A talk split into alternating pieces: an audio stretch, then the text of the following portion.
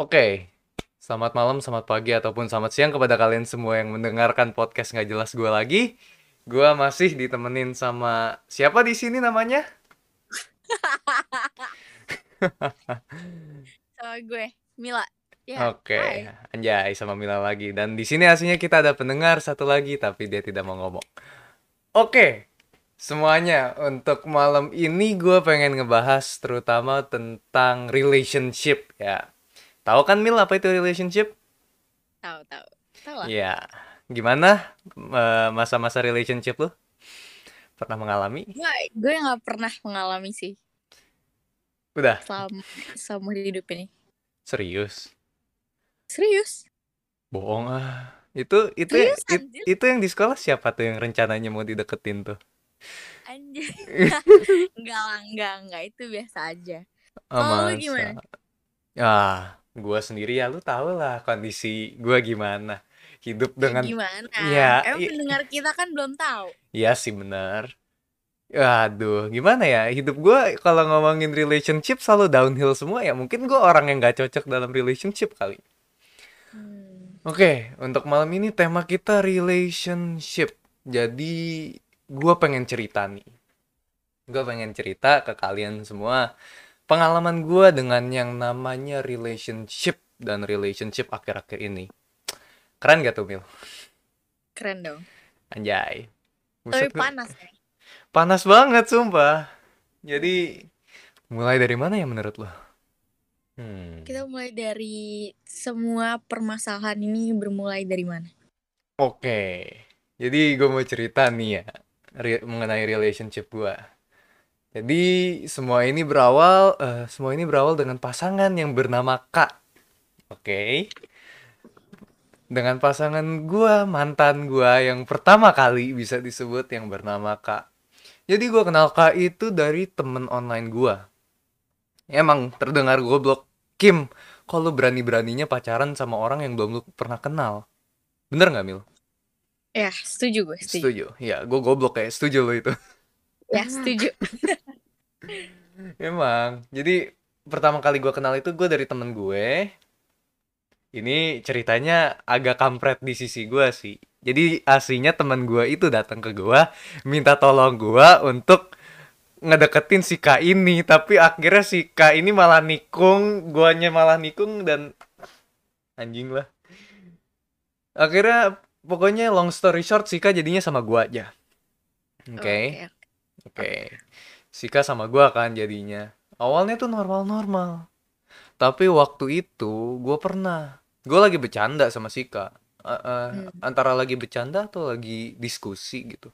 Emang materinya tuh materi bisa dibilang materi eksplisit lah atau materi yang harusnya nggak dibahas tapi kan gue namanya remaja pengen tahu gue ngajak ngobrol lah Iya. dan yang gua nggak tahu adalah orang tuanya baca chatnya Anjing. Wow. Gimana pendapat lu, Mil? Ya menurut gue orang tua baca chat aja itu udah aneh sih Karena kan kita sebagai anak juga punya privasi dong Ngapain baca chat anak segitunya gitu Entahlah, cu, mungkin mereka punya merasa nggak nyaman bahwa anak yang ngechat sama orang lewat internet. Pokoknya tiba-tiba chatnya dibaca aja. Dan gua gue sampai mesti disuruh ngomong sama bokapnya. Jadi pada su- pada suatu hari gue didatangi eh, dipanggil sama kak seingat gue tuh dibilang katanya orang tuanya tuh baca dan nyokapnya nggak suka. Kesannya tuh itu emang bukan hal yang harus diomongin buat remaja. Dimarahin deh tuh gue. Kesannya. Dimarahin sama orang tuanya anak lain. Gue pikir dalam hati gue kok kayak sinetron sih anjir. Ini tahun berapa sih anjir? Kok nyokapnya masih ngebacain chat anaknya? Gitu kan ya. XTV ya Maka karena itu akhirnya suatu malam akhirnya gue eh, memberanikan diri untuk ngobrol sama bokapnya untungnya waktu itu tuh. Karena nyokapnya nggak mau. Gua ngobrol sama bokapnya itu sekitar jam 8 malam, jam 9 gitu. Udah mulai ngeri ya Deg-degan gue anjir. Sumpah gue deg-degan banget itu. Lu ngebayang gak sih? apa awalnya gue kira pengen basa-basi dulu gitu kan. enggak langsung straight to the point dan gue agak anjing gitu kan. Dalam hati gue tuh anjing gitu. Kenapa sih ini orang? Akhirnya diobrolin lah. Diobrolin ya awalnya normal-normal aja. Gitu. Aslinya udah selesai. Eh permasalahan lagi permasalahan yang paling besar dalam kasus relationship ini. Dan aslinya kebodohan gue adalah udah ngebucin di sini. Percaya atau enggak gue ngebucin. Aduh. Gue percaya percaya. Ngebucin lo ngebucin lo tuh kayak gimana? Lu mau tahu ngebucin gue kayak gimana? Parah sih. Ya. Su- sumpah sumpah ngebucin gue tuh parah parah parah bin parah. Kenapa tuh? Eh bucinan gue gimana ya? Seingat gue tuh coba sampai ini juga ini gue jadi tahu gini juga jadi nggak enak ya. Karena gue ngebucin tuh ke sana kayak ngelupain temen susah ya ya bucin lah pada dasarnya. Nah terus pada saat itu permasalahan kedua terjadi.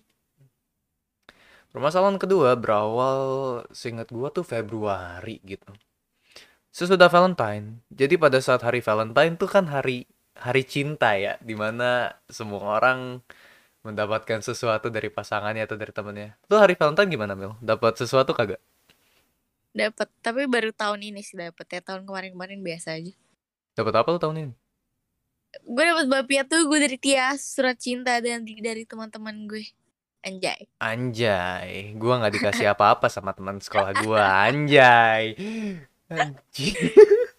next ya tahun depan gue kasih oh, Wah, bener ya, bener ya. Gue pegang kata-kata lu ya di sini ya. ya ingetin gue aja Ya wes. Oke, jadi ini berawal tuh pada bulan eh, Februari gitu, sudah Valentine. Nah, jadi di hari Valentine itu, dari Valentine tuh si Kak ngirim sesuatu ke gue. oh apa tuh Ngirim sushi. Gue nggak Wah. minta. Gitu kan. Gue gue sempet nanya gitu ke dia, "Ya, lu ikhlas gitu kan. Lu ikhlas nih, nggak ada nggak ada eh, message di belakang sini gitu kan. Di belakang lu ngirim sushi ke gue tuh aslinya untuk apa? Awalnya gue kira nggak ada. Tiba-tiba eh, sesudah ngasih sushinya kan, tiba-tiba salah satu temennya ngekontak gue dong. apa tuh Salah satu temennya dia ngekontak gue dan bilang katanya si K ini minta eh, kesannya minta gue untuk sadar untuk mengirim dia sesuatu eh, sebagai balasan bahwa dia udah ngirim sushi. Sementara Wah. gue waktu itu gue lagi bokeh, gue nggak ada duit. Ini sebagai sebagai pengetahuan lo aja ya. Lu tahu Valorant kan ya? Lu tahu game ya? Tahu. Tahu lah. Para pendengar di sini juga pasti pada tahu game Valorant lah, game online. Lu mau tahu nggak sih Iya. gue ngeluarin berapa duit di situ? 12 juta 12 kagak. Mirip sih, 1,2. Gua ngeluarin 1,2 juta di game gratis. buat Bego. apa Buat buat pada dasar pada dasarnya cuma buat senjata yang kelihatan warna-warni. gue nggak ngerti gue kenapa bisa sampai segoblok itu dan mengeluarkan duit sebanyak itu di game. Bodoh gue goblok anjing. Bodoh bin goblok. Gak apa kok kita Eh. semua tahu rasanya boros untuk hal yang unnecessary Emang lu pernah boros buat apaan? buat Kok- buat kucing Kucing kan ya masih masih normal lah, masih hidup. I- iya sih ya tapi gue sebagian besar uang gue sebenarnya buat kucing sih Buat dibeliin apa kucing lu? makanan lah Makanan emang Whiskas berapaan? enggak gue gak pakai whiskas anjir pakai merek lain Mahal. Hmm, menurut gue standar sih, tapi tetap aja kerasa kalau uang bulanan gue setiap bulan dipakai buat kucing. Masuk akal sih ya. Oke, jadi ta- tadi kita sampai di mana sih? Sampai gue bokeh ya tadi Eh, tuh. Valorant ya, 1,2 juta. Iya, itu itu kan agak sidetrack ya. Kita kembali ke main story-nya. Jadi waktu itu emang kondisi gue lagi agak bokeh gitu. Gue nggak tahu mau ngirim dia apa. Hmm. Dan alhasil gue nggak bisa ngirim apa-apa dong. Tadinya gue mau ngirim sesuatu. Eh, tadinya tuh gue mau ngirim jaket yang udah kekecilan di gue. Aslinya gue beli jaket itu tuh tahu. Jaketnya masih ada di kamar gue sekarang. Jaket hijau, seinget gue tuh. Nah, tadinya gue mau kirim itu kan. Tapi permasalahannya terjadi. Permasalahan yang terjadi adalah eh, waktu itu gue emang lagi kondisinya lagi stres, lagi capek gitu kan ya. Gue ini jadi punya eh gue punya temen ya, sebut aja S lah. S ini tuh gue kenal dia dari SMP. Temen taekwondo, temen satu taekwondo, teman dekat bisa dibilang dan satu circle waktu dulu tuh. Nah, jadi semenjak eh, gue pasangan sama si Kak dari awal bu- eh, awal tahun 2022, si i- eh, si S ini udah tahu bahwa gue pasangan sama dia, sama si Kak. Tapi gobloknya, gue yang gue baru tahu sekarang adalah walaupun dia udah tahu bahwa gue lagi pasangan sama si Kak, si S ngedeketin.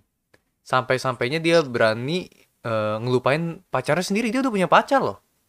Wah. Siapa? Ada lah di kelas kita kok. Ah ya ya, tahu Iya, gak tahu gue. tahu kan ya. Tahu. Jadi jadi gini ya pen- pa- para pendengar podcast Kim yang nggak jelas. Eh si S ini aslinya udah punya pacar. Pacarnya itu ada di kelas gue. Ternyata dia udah punya pacar, tapi pacarnya nggak dianggap. Kebayang nggak sih rasa pacarnya gimana? Gils, sakit banget sih. Gue dapet info dari ma- yang sekarang udah mantannya ya, yang tadi dulunya pacarnya itu, waktu masih pacaran diduain mulu. Uh. Kebayang nggak sih lu jadi pacar? Fuckboy ya, fuckboy. Kalau gue pikir sekarang jadi fuckboy sumpah. Gue ini berdasarkan informasi yang gue peroleh ya, jadi kalau salah ya mohon maaf. Tujuan gue bukan buat ngehujat tapi ngegibahin. jadi eh apa itu namanya? Oh ya, gue ngedengar dari eh, dari ma- eh, apa sih dari pacarnya sendiri yang udah jadi mantannya sekarang bahwa waktu dulu tuh sering diduain gitu ya kan dan dia berani-beraninya pengen ngembat. Gue kedengarannya kayak apa ya kayak di sinetron sih pengen ngembat cewek gue waktu dulu. Hmm. pengen ngembat si kak dan gue baru tahu sekarang. Itu itu pokoknya permasalahannya memperpanjang lagi gara-gara gue waktu itu sempat suspicious. Sempat curiga bahwa si S ini emang udah berencana untuk ngambil kak gitu. Padahal dia udah tahu. Dan alhasil gue ribut sama dia tapi dia mengatakan bahwa gue itu cuman jealous cuman cemburu. Gitu kan. Bahwa aslinya tuh nggak ada apa-apa. Tapi akhirnya gue ribut gue eh, berantem sama dia dan permasalahan kedua di titik tertinggi permasalahan kedua ini sampai di sini. Karena gue waktu itu udah mau ribut sama bokapnya sekarang gue ribut sama nyokapnya. Uh. dan nyokapnya aduh jujur ya gue nggak mau ngomong kasar. Tapi Tapi bis- tapi goblok sih. Gue gua nggak mau ngomong kasar tapi goblok sih jujur aja. Dia memprotes eh, dia memproteskan ke gue. Dia protes ke gue katanya dia itu nggak suka eh, cara attitude gue dan pada dasarnya gue nggak bikin anaknya stres.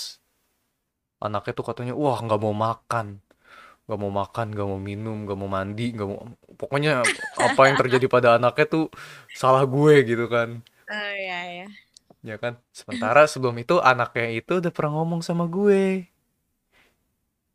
Ini sedikit cerita dari dalam ya dari orangnya sendiri. Dia tuh disekolahin di salah satu sekolah Islam di Jakarta. Gue nggak mau ngebawa agama tapi kita sebut aja seperti itu. Gitu kan. Sementara rumahnya di Bekasi kebayang nggak sih lu bangun pagi harus jam berapa mesti berangkat ke sekolah menghindari macetnya hari pagi Apalagi Bekasi kan ya. M- maka karena Planet lain gitu, planet Iya udah lain. planet lain itu itu berangkat mesti pakai pesawat eh, mesti pakai roketnya Elon Musk.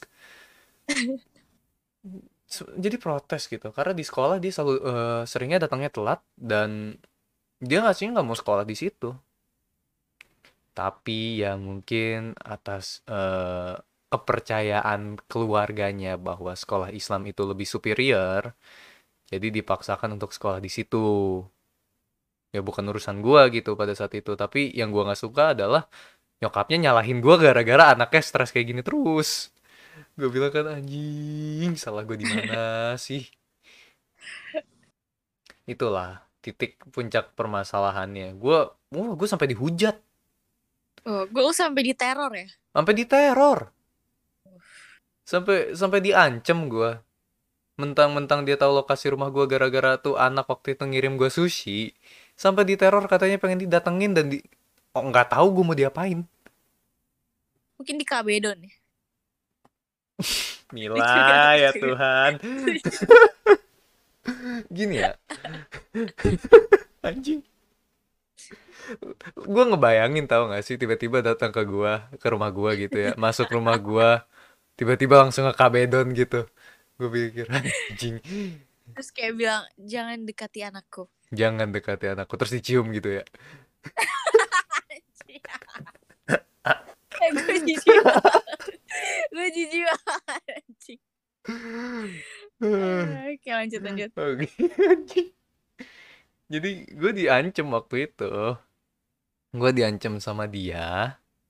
Eh, sama nyokap bokap eh enggak sih lebih terutama sama nyokapnya kak itu bahwa dia akan datang ke rumah gua dan gua gua nggak tahu gua mau diapain gitu. Karena gini Iya. ya yang gua tahu adalah itu ilegal. Iya betul. Logikanya itu ilegal. Ini orang dewasa orang dewasa ngancam anak ngancam gue anak di bawah umur yang masih di bawah umur untuk datang ke rumahnya dan melakukan hal-hal yang gak diketahui gitu. Logikanya gimana ya aduh. Ngapain? Nggak ada nggak ada kerjaan banget ya. Tahu nggak sih gue ngeba ngebayangin nyokapnya tuh kayak gimana? Kayak lu, gimana? lu tahu nggak sih mama rempong yang di arisan tuh? Yang kalau datang tuh pakai batu cincin be- eh, bejibun. Terus terus Yang pakai gelang yang pakai gelang emas kayak Shang-Chi dari Marvel. Banyak gitu kan. Tahu gue tahu. Terus wah gila tuh kalau datang tuh tangannya langsung dikasih lihat cuman halo Cin gitu kan sambil ditunjukin batu akiknya. sambil sambil meregangin tangannya biar Iya, bunyi gelangnya biar bunyi. bunyi kretek-kretek gitu kan ya. Gue gue mikirinnya tuh kayak gitu gitu. Yang enggak kok ini mah di rumah cuman eh, jadi ibu rumah tangga gitu. Dari sakunya ngeluarin iPhone 13 dan ditaruh di meja. Lu mikir gak sih? pakai pakai dress turun naik itu lo tau gak sih ya di di, di situ lah gitu kan. Gue mulai berpikir seperti itu. Jadi gue juga mikirnya sendiri adalah gue ngakak sih sebenarnya. Takut ada takut iya lah, tapi ngakak juga gitu. Hmm. dan apakah kalian berpikir ini akhirnya akhirnya gitu permasalahan selesai di sini dan gue akan kontak dari dia. Wah belum tentu. Belum selesai di di sini saudara-saudara. Belum selesai. Baru mulai ya baru mulai. Anjing lah. Lu, lu tahu nggak? Gue masih mikirin sumpah gelangnya bunyi kretek-kretek. Nah eh, jadi itu eh, dibilang katanya eh gue bilang ke nyokapnya bahwa gue akan kot, eh, cut kontak dari anaknya gitu. Udah tuh gue pikir permasalahan selesai di situ kan anaknya juga udah setuju gitu udah benci sama gue gak lama sesudah itu anak yang ngekontak gue gimana coba? kontak siapa? kontak lo duluan ngekontak gue duluan? Padahal gue lagi asik main Minecraft sama temen gue itu itu lagi di tengah gue lagi di tengah main eh, lagi nyari diamond kan ya di gua. Eh. di gua gua Jepang gitu kan ada badan-badan masyarakat Indonesia bekas kena korban Romusha. Nah gue lagi nyari lagi nyari sesuatu gitu kan tiba-tiba bunyi Discord dan gue kaget sumpah ternyata gue tahu notif discord yang ngagetin itu Ya maka karena itu tiba-tiba gue dicat aja. Katanya, katanya, katanya mau minta Wah. maaf. Katanya, Mhm. katanya tuh mau minta maaf. Aduh, gua maaf banget ya karena gini gini gini gini gini gini gini gini gini gini. Gua tuh nggak bermaksud. Dalam hati gua, oh ya udah. Dan gue tanya akhirnya maunya gimana? Masih mau temenan, mau pasangan? Enggak sih, gue nggak nanya mau pasangan atau enggak, masih mau temenan atau enggak. Dia katanya Hmm. bilang mau masih mau masih mau temenan. Gua ngobrol lah tuh sama nyokap gua. Gara-gara kondisi waktu itu akhirnya menyebar karena kedengeran gua kondisinya stres di atas. Akhirnya nyokap gua tahu dan gue disuruh ngobrol sama nyokap gue dulu gitu kan. Gue ngobrol sama nyokap gue kata nyokap gue ya nggak apa-apa mau masih temenan lo mau temenan sama siapa pun juga boleh asal ada syaratnya. Set my boundaries gitu kan. Gua gua ngomong sama dia itu katanya boundaries yang harus di-set adalah gua jangan percaya sama dia lagi, gua jangan pasangan sama dia lagi, dan eh, si Kak ini harus menyatakan bahwa nyokapnya itu udah nggak apa-apa, gitu kan. Hmm. Aturan, gue nulis kayak beginian, gue ketik, gue taruh di atas materai 2000. Biar biar kayak yang kondisinya sekarang sama NCT Dream tuh yang tadi, yang gue bilang tadi. Ya ya. Iya, aduh saya perwakilan nih. Saya mesti manggil pengacara gitu, Hotman Paris. Ajak Hotman Paris disuruh ngebuat eh apa nih itu namanya? Kertasnya disuruh tanda tangan sini, sini, sini dan di sini dikata eh, menyatakan bahwa Sika nggak apa-apa untuk ngomong sama gue. Harusnya gue kayak gitu. Iya ya, setuju. Karena sesudah itu, gak lama kan gue ngekontak dia lagi ya, karena bilangnya udah nggak apa-apa. Ya kan? Cerita panjangnya itu, gue udah sempet nanya dia sekitar 3 atau 4 kali, apakah nyokapnya nggak apa-apa, dia bilangnya nggak apa-apa. Gue tanya udah nanya sama nyokapnya, udah ngobrol sama nyokapnya belum, katanya udah. Tapi dia hanya berasumsi kawan-kawan. Karena sesudah itu, Berasumsi ya. iya, sumpah, berasumsi. Jadi pada Jadi saat dia cuma berpikir kayak, oh ya udah lah ya, mama gue udah lupa ini. Enggak, dia berasumsi gara-gara waktu itu si eh, si Kak ini pernah nyokapnya Kak ini pernah ngeliat Kak lagi ngechat gue Hmm. sesudah kejadian itu. Ditanya kan sama nyokapnya katanya ngechat siapa? Katanya ngechat Kim gitu. Ya, terus kata nyokap cuman oh ya udah hati-hati ya. Dia berasumsi dari situ. Allah. Ternyata oh ternyata jadi kejadiannya itu waktu itu malam hari gua itu lagi mau nyampain informasi dari temennya. Temennya yang gue Hmm. bilang waktu itu nyuruh gue untuk ngirim sesuatu ke dia itu ngechat gue nanyain Hmm. lu udah dikontak lagi belum sama si kak gue bilang udah emang kenapa dia minta tolong ke gue untuk bilang ke kak bahwa untuk ngekontak dia lagi gara-gara dia worried gue bilang oke fine gitu lu mau eh, lu mau gue ngekontak dia nggak apa-apa ya gue juga merasa bertanggung jawab dong atas permasalahan ini gara-gara kesannya gue yang mulai jadi gentleman lah Ya. Hmm, gua gua nyampein gitu. Gobloknya gua waktu itu adalah sesudah gua nge-call dia, sesudah menyampaikan informasi, gua nggak disconnect dari call-nya. Gue cuma nyanyi-nyanyi kayak orang bego. Ya. Nggak, nggak ngobrol juga sama dia. Sama Tapi sekali. mm, udah begitu udah menyampaikan informasi, gua nggak begitu nge-notice dia juga. Gue cuman nyanyi-nyanyi, nostalgia gitu kan ya. Ya. Nah, udah gitu aslinya nih di background gue udah ngedenger ada orang suara ngetok-ngetok pintu tuh bruk bruk bruk gitu kan ngetok pintu tiba-tiba itu kan udah malam juga ya gue tuh sangat gue ngedenger suara ngetok-ngetok pintu itu jam sekitar jam 12-an ya kan Hmm. ya udah gitu gue bilang gue mau ciao gue mau cabut gue mau tidur begitu gue udah selesai gue matiin komputer gue tidur ya logikanya kayak gitu kan ya Ya. ternyata oh ternyata Oh, bagaimana? Bagaimana ya? ya, like and subscribe lanjut part 2. Enggak lah. Jadi, ya kan di TikTok kayak gitu ya biasanya. Ternyata oh ternyata lanjut part 2 gitu di kolom komentar. Pas dicek kolom komentarnya kagak ada part 2-nya. Kampret banget emang. Baru dua bulan kemudian. Baru dua bulan kemudian ada part 2-nya. Nah, jadi akhirnya pagi-pagi tuh. Wah, udaranya dingin. Suasananya nyaman, tentram, damai. Cuacanya cerah. cuacanya cerah di pag eh, di bawah tuh kan lagi ada saudara gue dari Bandung lagi Iya. pada ngobrol tuh waduh gue dalam hati gue ya Tuhan enaknya pagi hari ini. Tapi gue baru ingat gue itu nggak bisa mendapatkan hal yang tenang. Begitu gue buka HP untuk ngecek jam berapa ada yang nge-spam call gue semalaman. Waduh, siapa tuh? Pinjol. anjing. Pinjaman online anjir. Lu kata gue minjem duit gitu ya? Gue ditagih sama debt collector. Minta dibalikin Buat duitnya. buat bayar Valorant gitu 1,2 juta. Ternyata oh ternyata nyokapnya Uh, nyokapnya kak. nyokapnya kak siapa lagi Nah, nyokapnya kak itu nge-spam call gue dari jam 12 sampai setengah satu eh enggak dari jam iya dari jam 12 sampai setengah dua sorry bukan setengah satu sampai setengah dua wow. Gua, gua sih jujur aja masih ada chatnya, tapi gua taruh di archive. Hmm. Wah, nge-spam gue semalaman. Bilangnya katanya, ngapain kamu masih kontak-kontakan sama anak saya?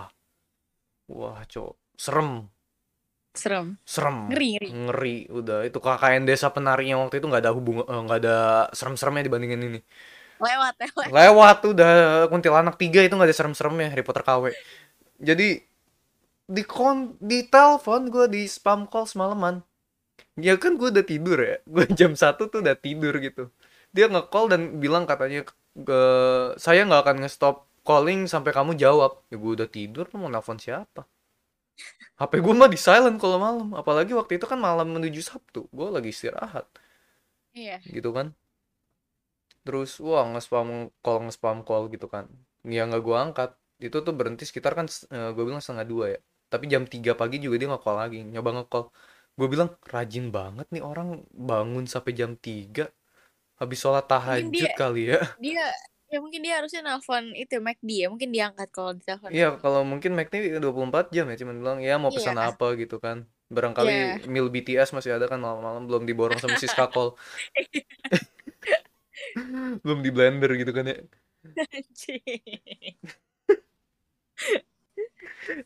Jam 3 tuh gue ditelepon lagi gitu. Dalam hati gue gue berpikir orang bego macam apa yang ngebuang waktunya ya mungkin dia habis sholat tahajud kali ya makanya ngedatengin kamarnya Sika Hmm. tapi orang goblok macam apa yang ngehabisin waktunya waktu luangnya ngegangguin anak lewat internet lu kurang gabut Dan di apa jam 3 pagi. Tahu nggak sih dia jam 3 pagi ngomong apa lagi? Bilangnya katanya oke kita akan ke rumah kamu sekarang. Goblok, dalam gue pikiran gue. Sekarang. Jam 3 pagi dia katanya mau datang ke rumah gue. Apakah gue harus mempersiapkan teh anget gitu ya sama aroma kelapa biar bisa dicelupin sekalian gitu sampai marah-marah sama gue. Lucu banget. Itu jam 3 pagi loh. Ya udah gitu kan. Paginya gue bangun sekitar jam setengah tujuh kan, jam se- setengah tujuh jam tujuan gitu atau setengah delapan. Gue ngebaca gitu, kok belum nyampe? Dalam pikiran gue kejebak macet kali ya atau gimana di jalan tol gitu kan ya. Tiba-tiba ada nenek-nenek nyebrang jalan kagak selesai-selesai gitu kan. Atau misalnya mobilnya Wirda tuh waktu itu ketabrak mungkin di situ. Tabrak beruntun ya. mungkin mungkin ada Allah mungkin tiba-tiba mobilnya mogok gitu kan Hmm. bensinnya disedot sama anak FF gitu kan. Dibilang kami pengen berperang bukan berumah tangga makanya nggak punya pintu. Pokoknya eh, sampai pagi nggak nyampe nyampe aja. Gue berpikir dalam hati gue kenapa ya nih orang? Beneran lo tungguin tapi. ya gue yang ngomong ke nyokap gue. Nyokap gue juga bilang nanya nanya ny- nyokap gue tuh nanya ke, ke gue "Eh, lu masih eh, kan gue sama nyokap kadang-kadang masih suka ngomong ke gue kan Ya. nyokap gue tuh ngomong ke gue nanya ke gue lu masih kontakan sama kak? Gitu kan. Gue bilang enggak dia ngekontak gue duluan waktu itu. Bilangnya mau minta Hmm. maaf kan waktu itu gue udah bilang. Nyokap gue langsung bilang ya udah nggak usah kontak-kontakan eh, sama dia lagi. Gue bilang juga gue nggak akan. Terus gue nanya ini gimana nih kalau misalnya mereka datang gitu? Kita kan mau pergi. Gue mikirinnya kita mau pergi. Bukan mikirin eh dia itu akan datang atau kagak. Gue mikirinnya kalau misalnya nanti dia datang terus di rumah nggak ada orang dia mau ngobrol sama siapa? Mau ngobrol sama anjing gue gitu kan. Anjing gue kan selalu ada di rumah gitu. Misalnya diajak ngobrol halo eh, permisi ini rumahnya Kim bukan? Eh, orang tuanya Kim di sini bukan? Anjing gue cuman gitu kan. Pelet, pelet. Gue bisa ngebayangin. Lucu. cuman cuman ngobrol sama anjing gue gitu. Karena gue pikirannya adalah nanti gue mau pergi kalau nggak Iya. datang ya mau ngobrol sama siapa gitu. Apa nanti dibilang eh, eh, di gerbang gue apaan gitu misalnya gemboknya dicabut terus dibawa pulang gitu ya kan. Atau dia mau maling helm mungkin manjat nanti maling helm ngambil helm dari makanya kan gue gue mikir juga gitu. Tapi katanya ah ya udah kita tungguin aja. Nungguin sampai jam 12 nggak dateng gitu kan. Gila, beneran ditungguin dong. Beneran ditungguin Kenapa lu kenapa lu nggak telepon aja kayak eh lo jadi dateng nggak bro gitu? ya Bener juga ya lo. Kenapa kagak Iya. gue telepon ya? Bro, bro, jadi datang nggak bro? Nih gue udah siapin nih teh. Kita menikmati senja di sore hari nanti. Ya udah ada sesajen bro. Udah udah sesajen bro. Nanti deh bro sekalian lu eh, kita eh, gue jaga lilin lu nyari uangnya ya, lu nyari duitnya gitu kan ya. Gue jaga lilin. Siapa tahu kita bisa Ngepet kaya ya. bersama. Ya daripada korupsi mendingan investasi. Win-win solution ya. Yoi, iya tapi asal gue ngejaga lilinnya. bensin dari Bekasi dong. Ya makanya nanti kalau misalnya lu udah dapat duit, gue tinggal tiup lilinnya lu ngilang hush gitu kan. Nah, pokoknya nggak datang aja mereka tuh. Iya. Oke kan, terus gue gue agak marah dong. Gue marahnya ke kak, gara-gara kalau gue marah ke nyokap ya gue tahu eh, yang salah itu di sini kak, gara-gara si kak udah bohong ke gue. Hmm. Berani banget ya dia baru salah udah bohong lagi ke gue. Gue ngobrol sama temen gue kan, gue ngobrol sama Kezia, gue ngobrol sama beberapa temen gue juga. Kata mereka, ya Kim lu harusnya berterima kasih dong anaknya masih mau kontak-kontakan sama lu gitu kan. Hmm. dalam hati gue ya I respect that lu masih mau kontakan sama gue ya I respect that tapi ya jangan ngebuat gue masuk ke dalam masalah juga kali lu kata gue akan kayak kayak Dilan sama Milea gitu ya kan kesannya tuh gue tuh harus membela pacar gue secara gila-gilaan. Bitch no gitu kan dalam hati gue gue masih SMA gue nggak akan nikah sama nih orang. Ngapain gue Iya. nyiksa diri gue sendiri? Setuju gitu bang. kan. Akhirnya aduh anjing gue tadi sampai mana ya? Gue masih mikirin anjing gue melet-melet. Eh, eh, tadi sampai mana? Oh ya ngebela dia. Akhirnya gue marahin dia kan. Gue marahin dia lewat discord awalnya. Gue bukan marahin sih lebih karena negur gue bilang ke dia ya udah lu nggak usah kontak-kontakan sama gue lagi ya. Nah udah kayak gitu dia nggak kontaknya lewat WA dong. Dia wah cok dramatis banget. Bush, kayak gimana? Merasanya tuh baru gua kuat kontak kesannya kayak gua langsung amnesia gitu. Langsung demensia punya Alzheimer's dan lupa semuanya. Tiba-tiba dia ngechat gua hey Kim remember me? gitu kan. Anjing gua bilang cok kita baru kayak 15 menit lalu baru cut kontak gitu kan lu kok lu kok kesannya kayak dramatisin banget sementara nyok abis abis pulang dari medan perang ya mungkin. iya gitu kan gua datang-datang tangan kiri gua udah hilang kena bombardir pasukan Belanda Ah buntung. Buntung.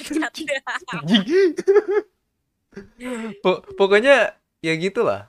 Sementara waktu nyokapnya marah-marah ke gue, dia yang ngatain gue dramatik. Ya, Anaknya sendiri kayak gitu, lihat sendiri dulu ngapa sih, ngapain ngurusin hidup gue gitu kan.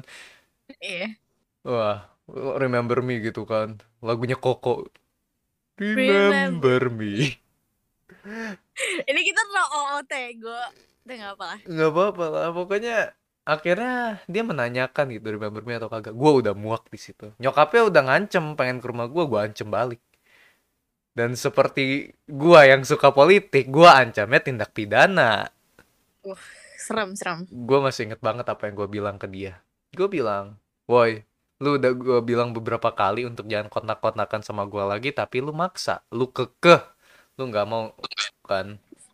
Jadi, semakin lu banyak kontak gua, akan gua screenshot dan gua jadiin bahan bukti. Gue jadiin bahan bukti dan gua akan laporkan ke pihak berwajib gitu, seingat gue, gue ngomongnya gitu. Gue akan laporkan ke pihak berwajib sebagai kasus eh, harassment terhadap anak di bawah umur. Gara-gara nyokap lu udah ngancem-ngancem gua gua adalah anak di bawah umur dan nyokap lu ya kan udah besar nggak boleh gitu. Jadi mohon jangan kontak-kontakan sama gua lagi jangan biarin tem eh, temen lu ataupun keluarga lu kontak-kontakan sama gua lagi gua udah muak gue bilang gitu terus gua blok lewat WA Alhamdulillah eh gak dikontak lagi gitu kan. Tapi dia masih stalking Instagram gua waktu itu menurut gua. Hmm. tapi akhir ini ya dia udah nggak kontak-kontakan sama gue lagi dan udah nggak unfollow mau tau nggak kenapa dia nggak unfollow Hmm, karena lo mungkin abis post SG itu untuk keren jaket sama Kezia mungkin. Bukan bukan itu. Oh, bukan. itu dia dia udah nge unfollow gue pada saat itu. Ternyata oh ternyata eh apanya tuh suspicious gue yang waktu itu mengenai K sama S itu benar. Ya Apa tuh? jadi si S ini udah ngedeketin K dari Januari. Tahu dari mana? Gue tahu dari pacarnya S waktu dulu. Iya, pacar yang diperlakukan kayak budak tai. kayak tai gitu kan. Iya. ternyata udah bener. Gue kan akhirnya ngobrol sama teman-teman gue juga ya kan. Gue ngobrol sama teman-teman gue teman-teman gue langsung pada kaget juga kok si S ini sikapnya kayak kampret? Lu enak banget gitu kan. Hmm. tapi mereka nggak ngomong apa-apa dan si S akhirnya sekarang pacaran sama si K dan gue bener asumsi gue bener waktu itu bahwa si S sama K ini ada sesuatu. Kampret nggak sih aku capek Wah. Kampret lah. Apakah nanti S dan K ini akan eh S akan terkena masalah seperti lo juga oleh orang tuanya? mungkin gara-gara orang tuanya nggak setuju akan mereka akan ini apa itu namanya pacaran pada dasarnya tahu nggak sih si S aja sampai akhir-akhirnya ini tadi gue belum nyeritain ya tapi pada saat gue lagi bermasalah sama kak waktu itu yang bilangnya pengen ke sini tapi kagak jadi kagak jadi yang kedua ya bukan yang pertama Ya. si eh, nyokapnya kak ini ngedeketin teman-teman gue suruh suruh gue ngejauhin eh, suruh mereka ngejauhin gue gara-gara gue bad influence katanya Wah, childish banget ya. Iya, padahal katanya orang dewasa gitu kan. Ya. Ngakunya orang dewasa, sikapnya kayak anak PAUD. Nah, Ya, setuju, setuju. Eh, akhirnya eh, dia ngedatengin salah satu teman gua yaitu S. Si S malah ngejual informasi gua dong. Semua aib yang gue pernah kasih tahu ke dia kan dia juga waktu itu temen salah satu teman yang gue percayain ya. Iya. Jadi dikasih tahu bahwa wah gua tuh gini gini gini gini dan disebarin ke nyokapnya si Kak Ke orang tuanya. ke orang tuh ke nyokapnya sih lebih tepat dan sekarang si S ini jadi informan lu tahu nggak sih informan tuh yang kayak jualan somai tapi bawa walkie talkie tuh kijang satu kijang satu? Kan Hati-hati mungkin di depan rumah lu sekarang udah ada. jadi intel gitu kan ya. Jujur gue lebih milih intelnya tukang somai. Lumayan kan gue bisa beli somai. Kalau ini gue beli apaan Iya. dari dia? Apalagi kalau sama enak ya. ya kalau somainya enak juga. Taunya somainya somai tikus gitu kan Tikus kantor. ini tikus kantor. Anjing weh jangan jangan ke situ jangan ke situ. Jangan ke situ. Kita kita kita bikin jauh dari politik. Karena kalau kagak nanti beneran ada tukang somai yang jualan di depan rumah gue. Nah pokoknya eh, gitu deh. Si S jadi informan dan gue tahu kenapa dia berani-berani. Ya tadi gue bilang si S itu ada perasaan terhadap K. Oh. kan? Kampret gue bilang dalam hati gue tuh temen sendiri kok sifatnya kayak bangsat. Dan gue berpikir apakah gue separah itu gitu? Gue menganggap bahwa gue nggak separah itu nggak separah itu padahal gue secara tidak langsung menikung teman adalah karena waktu penembakan kok penembakan sih kedengerannya bahaya banget anjing. Insiden. insid bukan sih ya.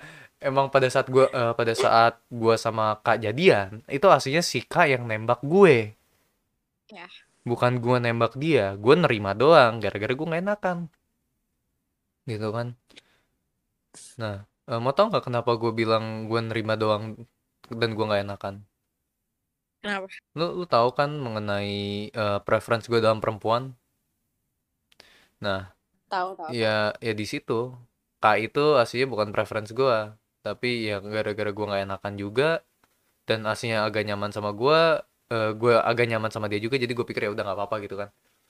Nah, gue bilang anjing, anjing, temen kok kayak gini ya. Waktu dulu kan dia kayak gini, gitu.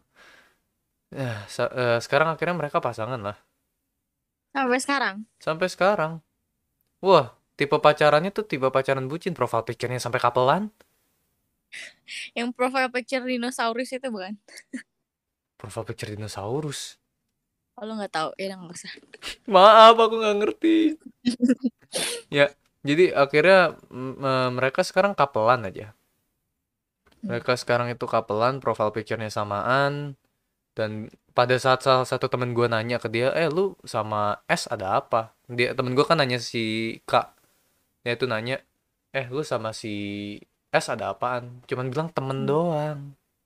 Bohong. Bohong. Yang Bohong. bener. Yang bener. Yang bener. Tapi gurunya lebih keren. Baca. Nah, akhirnya ya gitu deh. Sampai sekarang masih pacaran. Jadi Pendapat lu tentang cerita itu apa, Mil? Apa hikmah yang bisa lu ambil, anjay? Hikmah Ya, yang never trust people, even your closest friend, anjay. anjay pakai bahasa Inggris dong. Ya, iya sih. Gue sih ada cerita lagi aslinya. Yang satunya lagi adalah cerita tentang teman online gue yang sekarang rumor beredar dan mengatakan bahwa dia pacaran sama umur eh, sama orang 21 tahun lewat internet. Kebayang gak sih? Tapi dia minor. Dia masih 15 tahun. Oh. Dilf ya? Dilf gak sih hitungannya? Dilf. No, no, itu lu jangan membuat Dilf menjadi salah kaprah ya. Gue sebagai Dilf. Dilf Dilf gak sih? Enggak lah, itu tuh sebenarnya lebih ke apa ya? Child grooming. Iya sih. Apa ya? Tapi katanya bilangnya mereka enggak kok gue nggak pacaran sama dia. Gitu. Oh, bener. Orang yang eh, ceweknya orang Filipin, cowoknya orang Malaysia. Anjay. Sumpah dah. Kebodohan dalam relationship itu banyak ya. Banyak sih. Kayak salah satunya bucin lah. Gue pernah dapat kasus, pernah dapat cerita di mana temen gue akhirnya ditinggalin gara-gara temen dulunya yang dulunya temen sekarang udah punya pacar dan dilupain. Itu menurutku salah satu permasalahan terbesar sih ya dalam relationship itu. Nggak Dan paling sering sih sebenarnya. Iya, paling sering. Nggak, eh, kayak kita tuh nggak bisa ngebuat waktu untuk dua orang. Betul. Tapi menurut lu lebih valuable mana sih? Relationship atau friendship? Friendship lah gila karena gue nggak ya sebenarnya gue ngomong friendship karena gue nggak pernah berada dalam relationship sih jadi gue nggak tahu tapi mungkin kalaupun gue berada dalam relationship gue juga akan mengutamakan teman gue anjay Anjay. Aduh, yang namanya relationship ya. Kenapa? kalau lu Jujur, gue relationship sekarang males. Jadi gue lebih milih friendship. Teman-teman gue yang bener yang bener. Ya, tapi ya kan ada satu lagi ya yang sering dilakukan sama orang zaman sekarang yaitu FWB. Apa itu FWB Mila? FWB itu friend with apa ya friend with barokah ya Ah ya, barokah friends with barokah. ya Aduh, jadi kerana agama deh nih larinya ya. Nanti gue didatengin FPI lagi. Aduh, politikan ya anjing. FWB itu eh, sebenarnya arti kepanjangannya itu biasa aja tapi di di negara kita yang tercinta ini atau bahkan mungkin di luar negeri juga ada FWB kali ya Ada, ada kok. Tapi kalau di luar negeri friends with benefit tuh lebih ke, setahu gue lebih ke arah seksual sih. sama Lebih, sih kan hmm, emang iya di sini termasuk juga ya? ya Hmm, oke. karena FWB tuh sebenarnya penyakit sih kayak lu ngapain coba berhubungan seksual tapi saat lo em, apa ya Bau kayak umur. mungkin saat terlalu dalam di dalam hubungan itu terus lo sakit hati sendiri karena dia make out sama cewek lain gitu misalnya Ma- Wah iya tuh. Di sekolah kita ada nggak sih yang FWB FWB-an? gak tahu ya kan kan kita juga belum terbuka itu teman-teman kelas Oke, mungkin para pendengar podcast Kim yang gak jelas ini mungkin punya temen juga ya yang ada FWB, FWB-an. cita-citanya mungkin punya FWB mungkin Ya mungkin cita-citanya akan menjadi FWB juga ya. Asal jangan open BO kita nggak apa-apa sih. Ki- Kita di podcast Kamui Insan Maeswara atau podcast Kim Incorporated tidak menginginkan para pendengar kami untuk open BO karena itu salah. Jadi open kalau sekarang sih sebutannya open michat ya micet. ya Ya gitu deh pada dasarnya. Ada temen temen kondisi fri- friendship gue di Discord hancur lagi hancur-hancurnya sih. Entah yang relationshipnya kayak gini atau kayak yang gitu kayak gitu atau yang gini gitu ya. Mhm. Mila sendiri gimana Mila? Ada cerita apa ya kebodohan relationship nggak yang menurut lo bisa diceritakan dalam podcast malam ini? Hmm, gue sebenarnya punya teman-teman yang cukup pinter. Maksud gue pinter karena mereka masih rasional.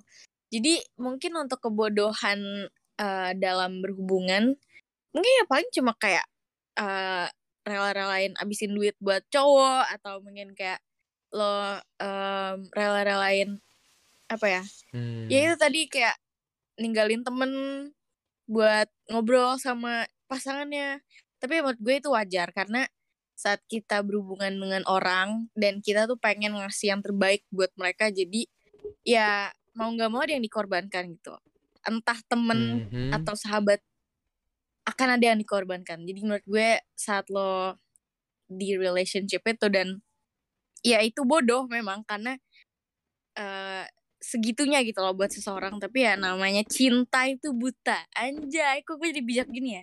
Anjay. Ya, tapi Ya, gue gak punya sih sebenarnya temen yang sebodoh itu juga. Ya, ya semoga aja kita nggak punya teman yang sebodoh itu ya. Eh, pendapat lu gimana mengenai perempuan yang maunya tuh apa-apa dibeliin cowoknya, apa-apa di manja-manjain sama cowoknya atau sebaliknya cowok yang pengennya dimanja-manjain sama ceweknya, apa-apa dilaku eh, dibeliin sama ceweknya. Dan kalau misalnya Hmm. mereka tidak melakukan itu diputusin. Gitu loh. eh gue gue sih lebih setuju kalau lo jalan apa pun yang lo beli atau atau apa pun yang lo konsumsi itu anggaplah itu sebagai tanggung jawab lo sendiri Bay dibayarin gak dibayarin itu masalah belakangan jadi kalau misalnya orang yang eh, cewek atau cowok apa apa tuh minta dibeliin dan kayak kalau sekali dua kali nggak apa-apa lah tapi kalau tiga kali empat dua belas kok jadi matematika? Ya, itu jokes overrated tapi Oh, ya iya. emang bener sih. Setuju gue sama cara berpikir lu juga. Karena relationship itu kan yang dilihat kesetiaan, chemistry, bukan jual beli. Lu kata koperasi, gitu kan? Jadi pada dasarnya kalau lu pengen eh, relationship lu jalan lancar ya jangan berharap lu akan dibeliin sesuatu, jangan ada proses timbal balik. Ini bukan koperasi simpan pinjam ya, hadirin, setuju ya kan? Jadi ah, relationship kembali lagi ke tema malam ini. Relationship itu merupakan hal yang diinginkan sama semua orang ya. Mereka tuh pengen Hmm. punya pasangan. Kecuali lu emang eh, aromantik atau aseksual bahwa lu nggak pengen untuk berpacaran ya itu pilihan lu. Tapi mayoritas orang Indonesia tuh pengen. Dan gue terkadang berpikir yang mereka pengen dari relationship itu apa? Apakah lu pengen punya seseorang di samping lu atau lu pengen melakukan hal-hal yang harusnya tidak dilakukan oleh eh, remaja gitu kan? Kita nggak tahu.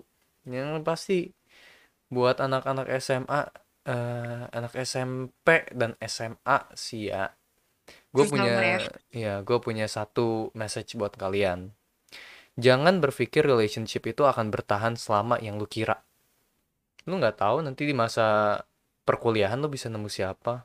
Emang cewek lu yang ngomong, iya kok sayang abang atau bahkan yang manggilnya sampai ayah bunda, itu akan bilang akan bilang tuh katanya ya aku nggak akan ngegantiin kamu kok. Kita akan pacaran terus sampai nikah punya anak 15 terus ada KDRT terus akhirnya cerai gitu kan ya. Tapi ya relationship nggak akan bertahan lama. Boleh mencoba gitu tapi yang sering dikatakan oleh nyokap gua adalah bucin boleh bego jangan.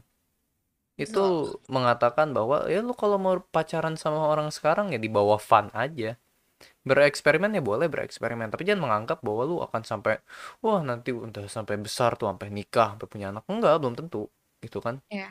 kesalahannya di situ. Dan gue paling jijik kalau gue ngelihat pasangan yang manggilnya ayah bunda. Tahu nggak sih gue pernah ngeliat anak SD kayak gitu. Bocil Facebook sih banyak kayak gue gitu. gue baru balik gitu. Kayaknya gue baru balik habis beli sesuatu dari Alfamidi eh, dari toko ternama. Supermarket minimarket ternama Iya. yang di dekat rumah gua sebutlah eh minimarket lah ya kan Iya. gue habis beli sesuatu dari situ waktu mau balik itu ada sepasang anak cowok dan cewek masih kecil lebih kecil daripada gua gitu Eh, baru turun gue pikir kan adik dan kakak ya mau pulang Iya. tiba-tiba oh tiba-tiba manggilnya eh, yang cowoknya tuh bilang ke ceweknya ah, bunda bunda aku pulang dulu ya. Gitu kan. Terus iya ayah tunggu ya besok. Terus cupika cupiki gitu cu- eh, cium pipi kanan cium pipi kiri. Gue pikir anjing kok gini sih? Gue rusak ngerusak generasi ngerusak generasi banget sih. Manggilnya tuh ayah bunda gitu kan ya. Terus eh, berpikir bahwa itu akan bertahan selama itu aduh ya Tuhan. Ya. Manggilnya kok ayah karena bunda? sebenarnya saat lo di masih di dunia ini kata papa gue ya lo harus selalu siap. Masalah tuh akan datang kapan aja. Kayak besok detik ini juga minggu depan atau bahkan em, apa ya kayak lima menit lagi tuh lo harus siap masalah apa pun tuh terjadi gitu.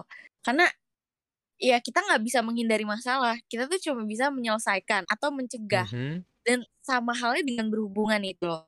Lo nggak bisa kayak eh, berpikir lo akan oh karena lo pernah berantem sama pasangan lo sedamai apa pun lo sama pasangan lo pasti akan ada masalah yang datang gitu ke kalian berdua. Emang dan itu itu udah pasti sih. Iya jadi kayak janganlah lo terlalu menganggap eh, saat lo berhubungan itu lo kayak udah berpikir ah inilah satu-satunya buat gue ya boleh tapi gimana ya kalau lo sampai mengorbankan banyak hal bahkan sampai nyakitin diri lo sendiri hanya untuk mem- mem- mendapatkan orang itu untuk menjadi milik lo ya itu nggak baik sih sebenarnya itu ya capek-capekin aja sih. Emang sih. Jadi satu kata buat kalian yang manggil pasangannya itu ayah bunda goblok. Hidup yang bener. Kencing dulu yang lurus. Makanya.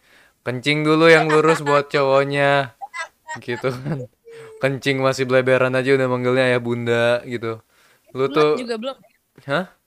Sunat kayaknya belum sih waktu itu tuh. Jangan kan sunat balik aja belum.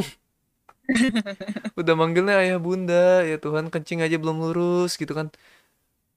Yang ceweknya juga lu lu belajar apa kek? Ya Tuhan kenapa ya?